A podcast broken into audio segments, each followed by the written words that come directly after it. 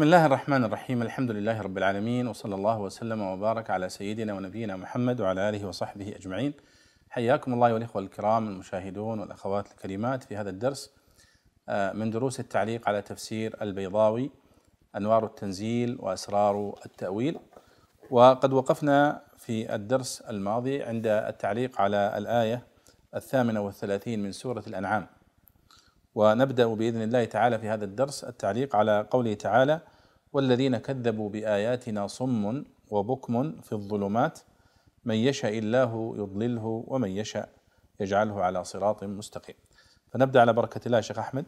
بسم الله والحمد لله والصلاة والسلام على رسول الله صلى الله عليه وسلم. قال الإمام البيضوي رحمه الله والذين كذبوا بآياتنا صم لا يسمعون مثل هذه الآيات الدالة على ربوبيته وكمال علمه وعظم قدرته سماعا تتأثر به نفوسهم. وبكم لا ينطقون بالحق. في الظلمات خبر ثالث أي خابطون في ظلمات الكفر أو في ظلمة الجهل وظلمة العناد وظلمة التقليد. ويجوز أن يكون حالا من المستكن في الخبر. من يشاء الله يضلله من يشاء الله إضلاله يضلله. وهو دليل واضح لنا على المعتزلة. ومن يشاء يجعله على صراط مستقيم بأن يرشده إلى الهدى ويحمله عليه. نعم. آه والذين كذبوا بآياتنا صم قال لا يسمعون مثل هذه الآيات الدالة على ربوبيته وكمال علمه وعظم قدرته سماعا تتأثر به نفوسهم. يعني المقصود ليس الصمم الحسي وهو فقدان حاسة السمع. لأن الصمم هو فقدان حاسة السمع والأصم هو الذي ولد آه، أصما أو طرأ عليه الصمم بعد ذلك. ولكن الصمم هنا هو عدم الاستجابة. يعني هم يسمعون كما قال الله سبحانه وتعالى لهم آذان لا يسمعون بها ولهم أعين لا يبصرون بها. فإذا لهم آذان هم يسمعون بها الأصوات لكنهم لا يستجيبون للحق فكأنهم صم.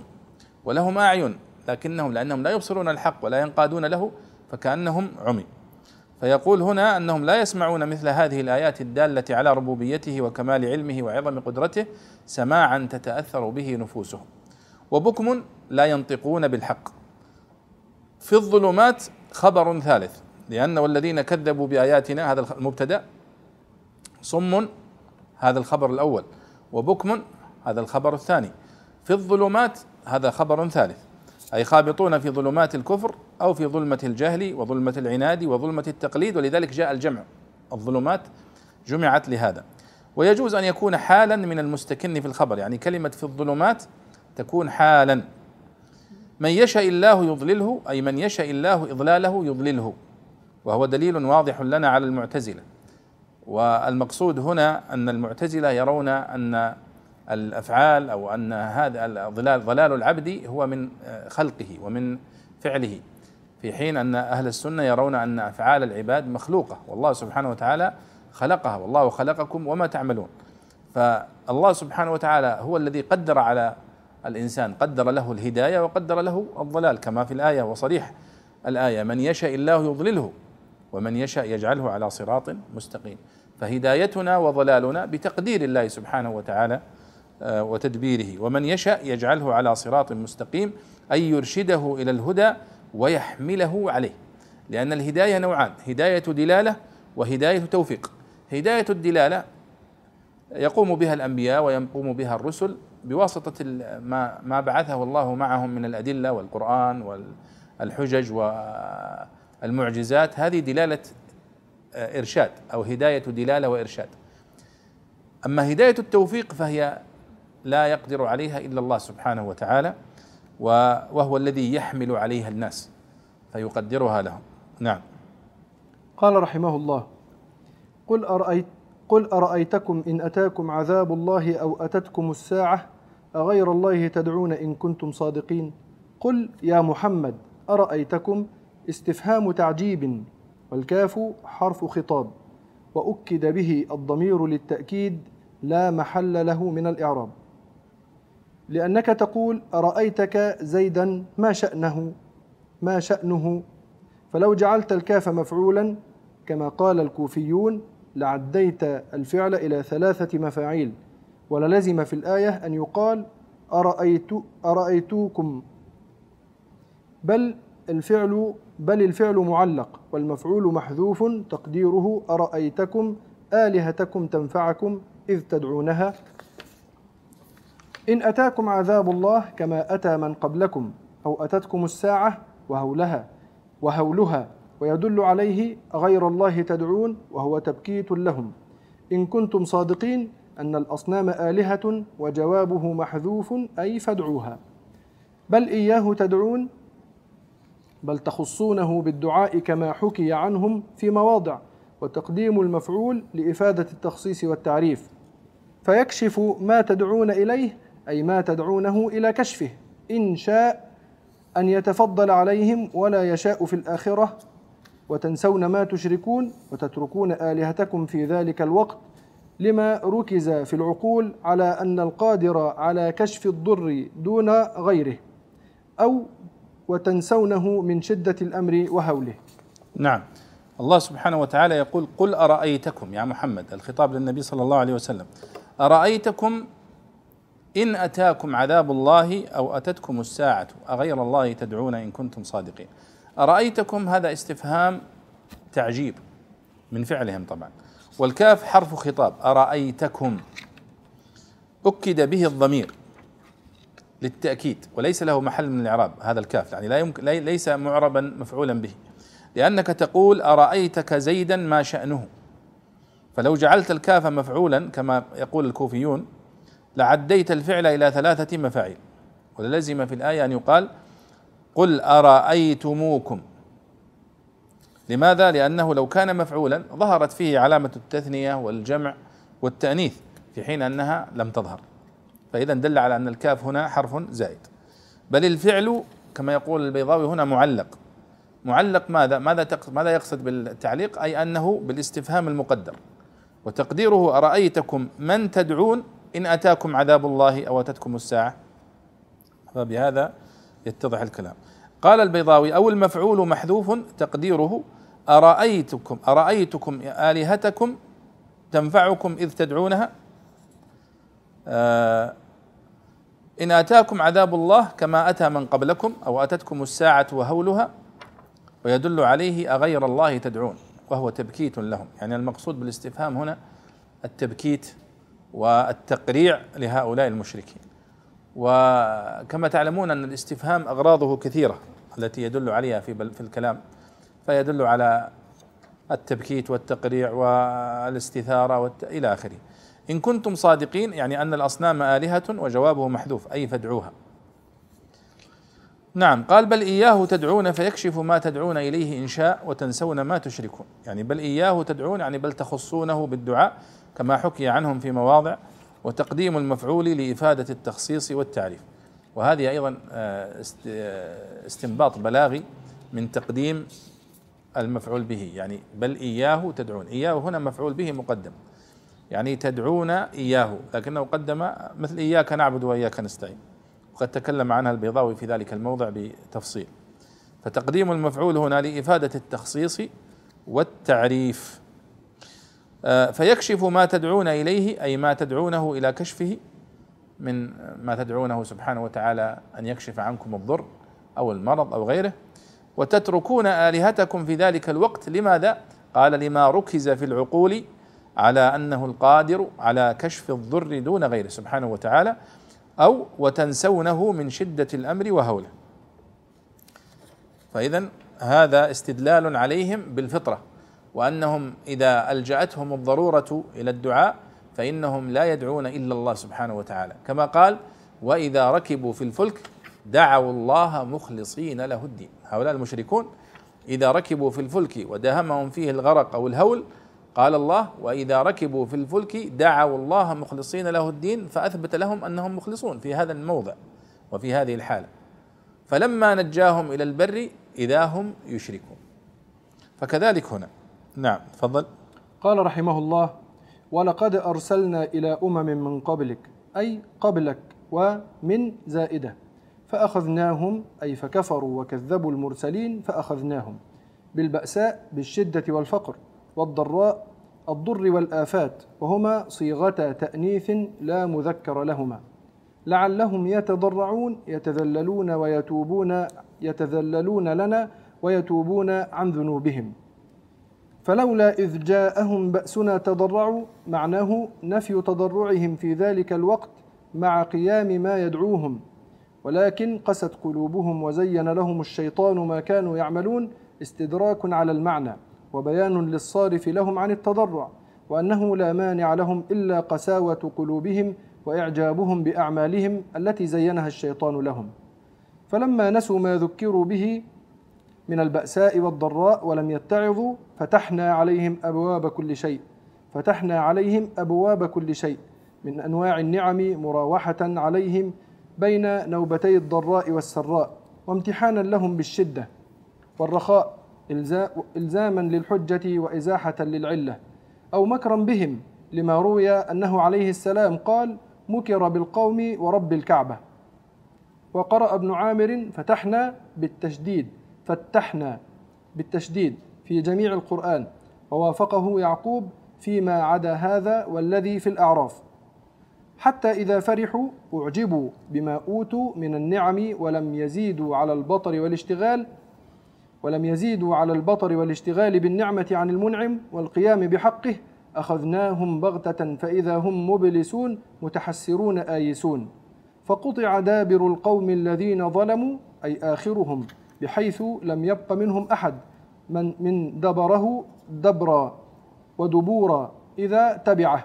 والحمد لله رب العالمين على إهلاكهم فإن إهلاك الكفار والعصاة من حيث إنه تخليص لأهل الأرض من شؤم عقائدهم وأعمالهم نعمة جليلة تحق أن يحمد عليها. نعم يقول الله سبحانه وتعالى ولقد أرسلنا إلى أمم من قبلك فأخذناهم بالبأساء والضراء لعلهم يتضرعون. يعني لقد أرسلنا إلى أمم من قبلك فكذبوا الرسل. وهذا من باب التسلية للنبي صلى الله عليه وسلم. يعني كما قلنا هذه السورة سورة الأنعام سورة مكية. فمن مقاصدها تثبيت قلب النبي صلى الله عليه وسلم وتسليته بذكر مثل هذه القصص عن السابقين. فالله يقول لقد أرسلنا إلى أمم من قبلك أي قبل النبي صلى الله عليه وسلم موسى وعيسى وغيرهم يقول البيضاوي أي قبلك ولقد أرسلنا إلى أمم من قبلك أي قبلك ومن زائدة. طبعا هي زائدة من حيث الإعراب لكنها في المعنى لا تدل على ليست زائدة وإنما تدل ولقد أرسلنا إلى أمم من قبلك. فيها تأكيد للقبلية واستغراق لكل للزمن القديم. فأخذناهم بالبأساء. قال فأخذناهم أي فكفروا وكذبوا المرسلين فأخذناهم. فإذا هذا حذف واضح من الكلام العقل يدل عليه. يعني فأخذناهم معناها أنه هناك سبب لأخذهم وهو كفرهم وتكذيبهم. بالبأساء والضراء البأساء هي الشدة والفقر. والضراء هي الضر والآفات وهما صيغتا تأنيث لا مذكر لهما. يعني ليس البأس هو مذكر البأساء. البأس هو الحرب. كما قال الله وحين البأس. البأس يعني الحرب. أما البأساء فهي الشدة والفقر. لعلهم يتضرعون أي يتذللون لنا ويتوبون عن ذنوبهم. والتضرع هو شدة اللجوء إلى الله سبحانه وتعالى.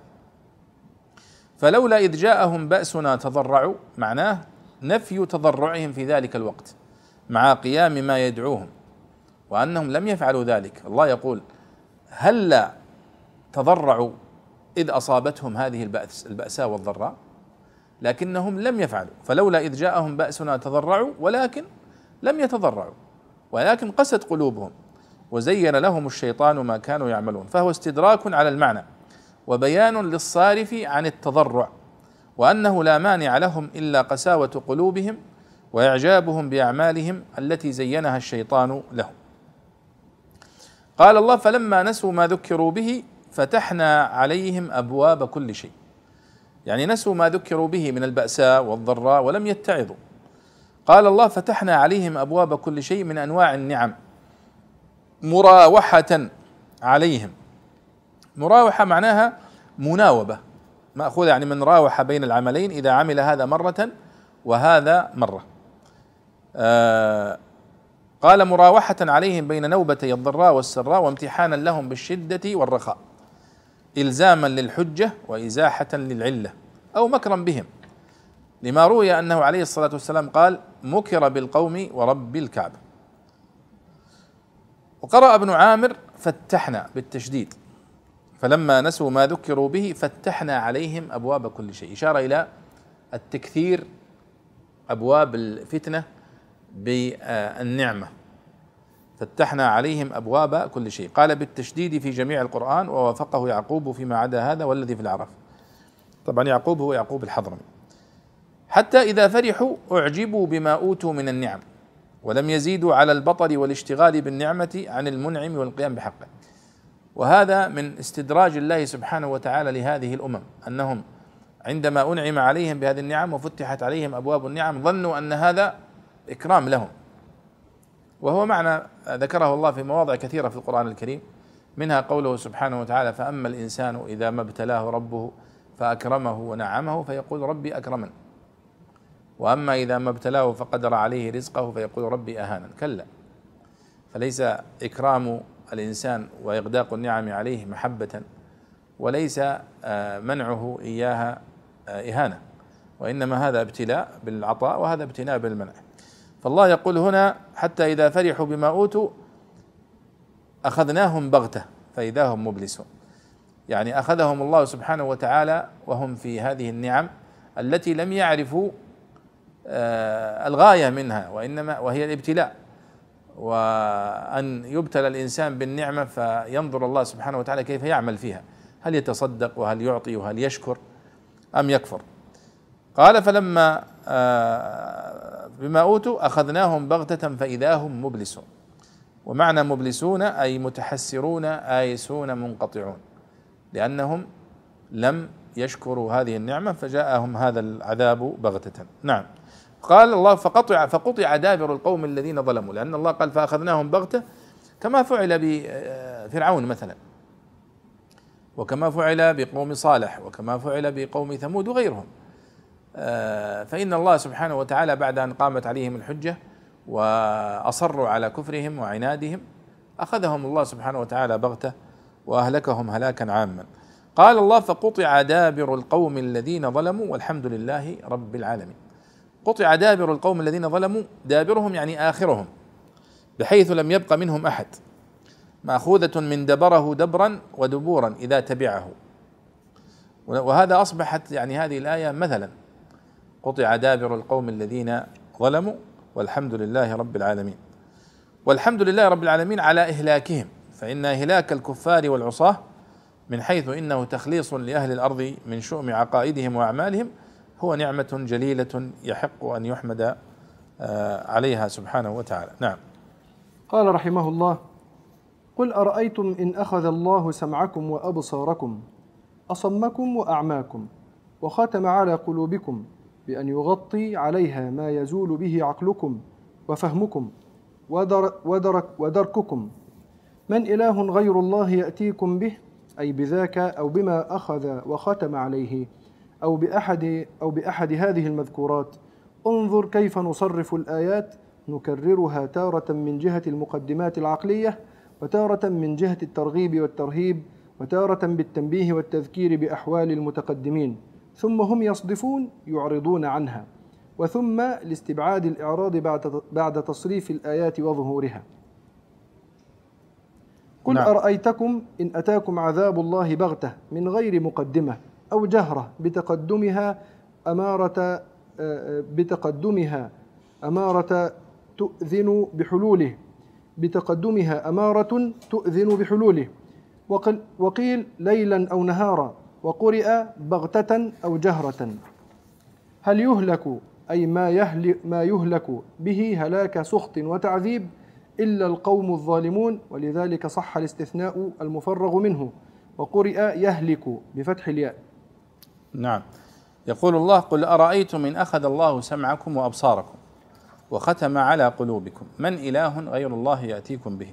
هذه الاستفهامات هي استدلالات عقلية عليهم لإقامة الحجة عليهم. ولذلك سورة الأنعام مليئة بالاستدلالات العقلية على المكذبين. الاستدلال على البعث الاستدلال على الألوهية الاستدلال على الربوبية وغير ذلك. فالله يقول هنا قل أرأيتم هم يعني يؤمنون بأن الله هو الذي خلقهم وهو الذي رزقهم. قل أرأيتم إن أخذ الله سمعكم وأبصاركم؟ بمعنى أصابكم أصبتم أصبحتم صما عميا. وختم على قلوبكم بأن يغطي عليها ما يزول به العقل والفهم والدرك. ولذلك يعني هذا لعل هذا من الأدلة التي تقول بأن العقل محله القلب. وختم على قلوبكم. من إله غير الله يأتيكم به؟ يعني يأتيكم بهذا السمع وبهذا البصر وبهذا العقل أو بأحدها. فالجواب طبعا لا أحد. وهم يدركون ذلك أنه لو أخذ الله سمعنا فلا أحد يأتي به. ولو أخذ البصر لا أحد يأتي به. ولو ختم على العقل لا أحد يعيده. قال انظر كيف نصرف الآيات الخطاب للنبي صلى الله عليه وسلم ولكل من يصح خطابه. انظر كيف نصرف الآيات. ولذلك مصطلح التصريف مصطلح قرآني وهو أفضل من قولنا التكرار في القرآن الكريم. والصواب والأفضل والأجود أن نقول التصريف. تصريف الآيات في القرآن الكريم لأنه يصرفها ويأتي بها من زوايا مختلفة. مثلا قصة موسى عليه الصلاة والسلام لا نقول تكررت وإنما جيء بتصريفات مختلفة لها على حسب السياقات وعلى حسب السور. فقال انظر كيف نصرف الآيات أي نكررها تارة من جهة المقدمات العقلية. وتارة من جهة الترغيب والترهيب وتارة بالتنبيه والتذكير بأحوال المتقدمين وهكذا. وهذا دائما شأن القرآن الكريم في تنويع الاستدلالات. ثم هم يصدفون. يصدفون يعني يعرضون. صدف عن الشيء بمعنى أعرض عنه وتركه. ثم هنا انظر كيف نصرف الآيات. ثم هم يصدفون. التعبير بثم دائما هي حرف عطف مع التراخي يعني التأخير. قال وجيء بثم هنا لاستبعاد الإعراض بعد تصريف الآيات وظهورها نعم. قل أرأيتكم إن أتاكم عذاب الله بغتة أو جهرة؟ أيضا هذا استدلال جديد. إن أتاكم عذاب الله بغتة يعني فجأة من غير مقدمة أو جهرة بتقدم مقدمات العذاب آه، ورؤيتها أمارة تؤذن بحلول العذاب.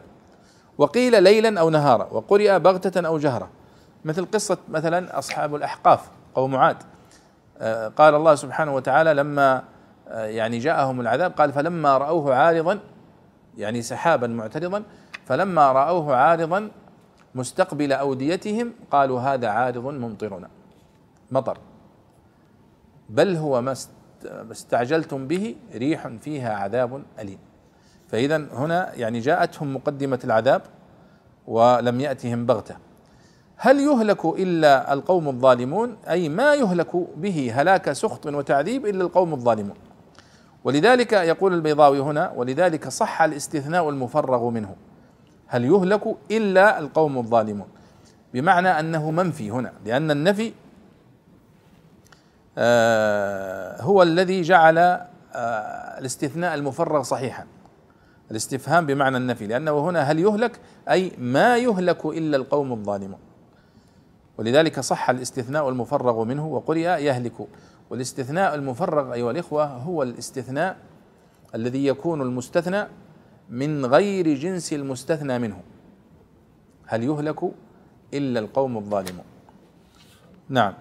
قال رحمه الله وما نرسل المرسلين إلا مبشرين المؤمنين بالجنة. ومنذرين الكافرين بالنار ولم نرسلهم ليقترح عليهم ويتلهى بهم ولم نرسلهم ليقترح عليهم ويتلهى بهم. فمن آمن وأصلح ما يجب إصلاحه على ما شرع لهم فلا خوف عليهم من العذاب ولا هم يحزنون بفوات الثواب. والذين كذبوا بآياتنا يمسهم العذاب جعل العذاب ماسا لهم كأنه الطالب للوصول إليهم. واستغنى بتعريفه عن التوصيف بما كانوا يفسقون بسبب خروجهم عن التصديق والطاعة. نعم. يعني لاحظوا هنا يلخص الله سبحانه وتعالى قصة الرسل في آيتين الآيتين ما نرسل المرسلين إلا مبشرين ومنذرين. ليس من أجل أن يتلهى بهم ويقترح عليهم المعجزات ونحو ذلك. فمن آمن وأصلح ما يجب إصلاحه على ما شرع لهم فلا خوف عليهم من العذاب ولا هم يحزنون. والذين كذبوا بآياتنا يمسهم العذاب. جعل العذاب ماسا لهم كأنه الطالب للوصول إليهم. قال واستغنى بتعريفه عن التوصيف. يعني الله يقول الذين كذبوا بآياتنا يمسهم العذاب. عرفه بالألف واللام إشارة إلى أنه عذاب شديد وكأنه معروف ومش ومعروف ومعهود. يمسهم العذاب بما كانوا يفسقون. فبين هنا العلة التي من أجلها يعذبون أي بسبب خروجهم عن التصديق والطاعة. ولعلنا نكتفي هنا بهذه الآيات وبهذا التعليق ونكمل إن شاء الله في الدرس القادم وصلى الله وسلم على سيدنا ونبينا محمد وعلى آله وصحبه أجمعين.